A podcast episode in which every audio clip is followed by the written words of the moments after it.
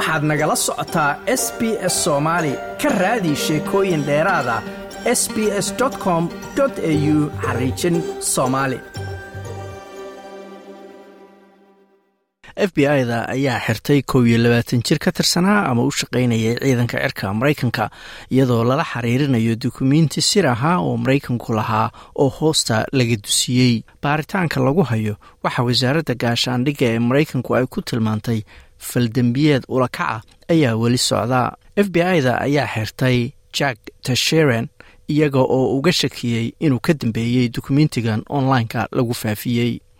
muuqaalo lagu duubay diyaarad helikobtera oo laga sii daayey telefishinada maraykanka ayaa lagu arkayey askarta f b i-da oo aada u hubaysan oo wadda ninkan oo xirnaa funaanad midabka cawlanka leh iyo dabagaab guduudan oo la sii gelinayo gaari sugayey muuqaalka waxaa sidoo kale ku jiray ninkan oo gacmaha madaxa saaran kadibna dibdib ugu socda dhanka askarta xeerlaaliyaha guud ee maraykanka mary garland ayaa sheegay in baaritaanku socdo ayna warar dheeraada la wadaagi doonaan dadka.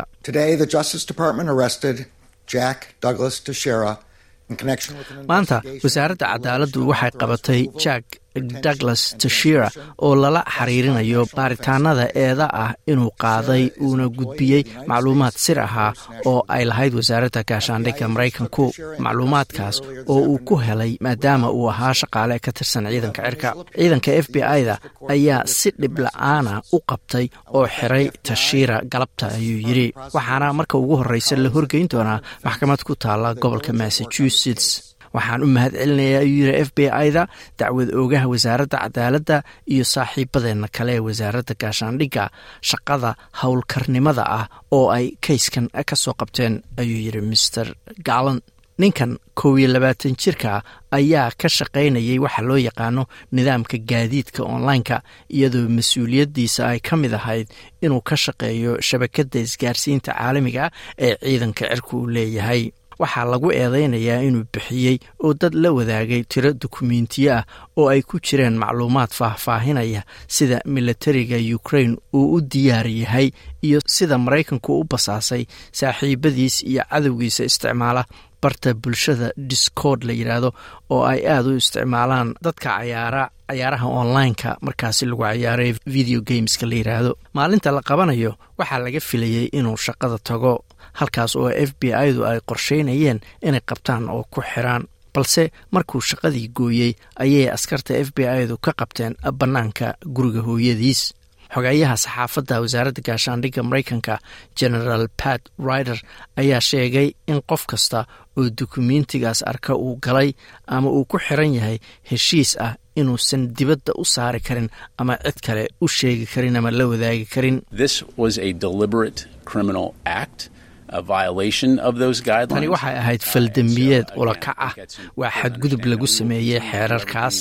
hadda waxaynu samaynaynaa wax kasta oo awooddeenna ah si aan u hubinno in dadka u baahan inay ogaadaan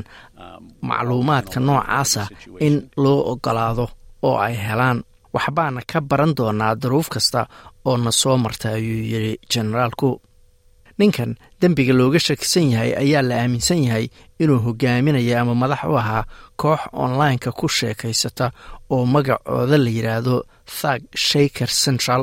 oo isticmaalayay barta bulshada ee discord. Kooxdan ayaa ka koobnaa inta u dhaxaysa labaatan ilaa soddon qof oo inta badan wadaaga warar ama macluumaad ku saabsan qoryaha ama hubka qalabka militariga iyo cayaaraha video gameska warar dhowra ayaa lagu sheegayaa in dukumentiga lagu diray meelaha fariimaha la isugu gudbiyo ee instant messageska la yidhaahdo iyadoo looga dan lahaa in lagu guuleysto dood ku saabsanayd dagaalka ukraine. Wasaaradda gaashaandhigga ayaa hadda dib eegid ku samayn doonta cidda lala wadaagi karo warbixinaha sirta ah ee maalinlaha ah generaal rider ayaa sheegay inay sii wadayaan inay qiimeeyaan dadka ku jira liiskaasi isagoo weliba hoosta ka xariiqay inay jiraan shuruuc ad adag oo la xiriirta dukumentiyada sirta ah. Waxay la mid tahay haddii aad albaabka gurigaaga xirato oo haddana qof gurigaaga intuu galay uu wax ka qaatay adigu hannaankii waad raacday ama wixii lagaa rabay waad samaysay oo albaabkii waad xiratay. Laakiin saasoo ay tahay qof baa gurigaagii galay waxna ka qaatay oo dariiqa dhigay. Waxa aan ka hadlayno waa waxaasoo kale ayuu yidhi. Wuxuu intaa ku daray inay macluumaad dheeraada heli doonaan marka baaritaanka la soo gebagabeeyo dowladda maraykanka ee washington ayaa isku dayeysa inaysan iyadu wax weyn ka soo qaadin saameynta dukumentiga hoosta laga dusiiyey madaxweynaha maraykanka joe biden oo hadda booqasho ku jooga dalka ireland ayaa sidaan yidhi mar wariyaal ay su'aalo weydiiyeen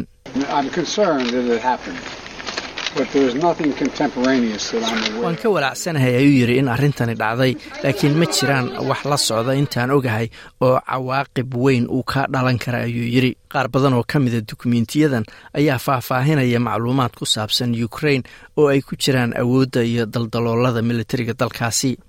Qaar kale ayaa sheegaya inay ku jiraan macluumaad ku saabsan xulufada maraykanka dibadbaxyada israa'iil koonfurta kuuriya oo walaac ka muujisay inay madaafiic siisay ukrain iyo macluumaad kale oo ku saabsan dalka turkiga.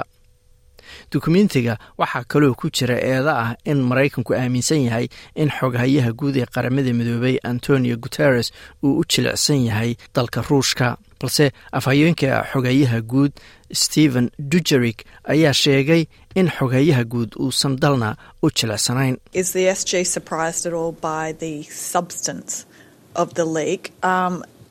Wariye ayaa weydiiyey xogayaha guud ma la yaabay waxa ku qornaa dukumentiyada sirtaa ee la helay.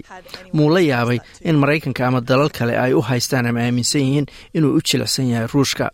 mase jiraa qof si toosa arrimahaas ugala hadlay xogayaha guud ayaa la weydiiyey.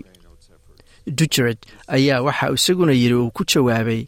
meesha ay dalal badan oo xubnaha ka qaramada midoobey ka taagan yihiin aragtida xooghayaha ee ku saabsan dagaalka ukrain iyo dadaaladiisu waa kuwo cad oo bannaankaba iska yaal oo aan cidna ka qarsoonayn ayuu yidhi. Xafiiska xerilaalyaha guud ee maraykanka ayaa xaqiijiyey in jak tashira waa ninkan la qabtae maxkamadda marka ugu horreysa la soo taagi doono magaalada boston maalinta sabtida ee berito ee bisha abriil ay tahay shan iyo tobanka.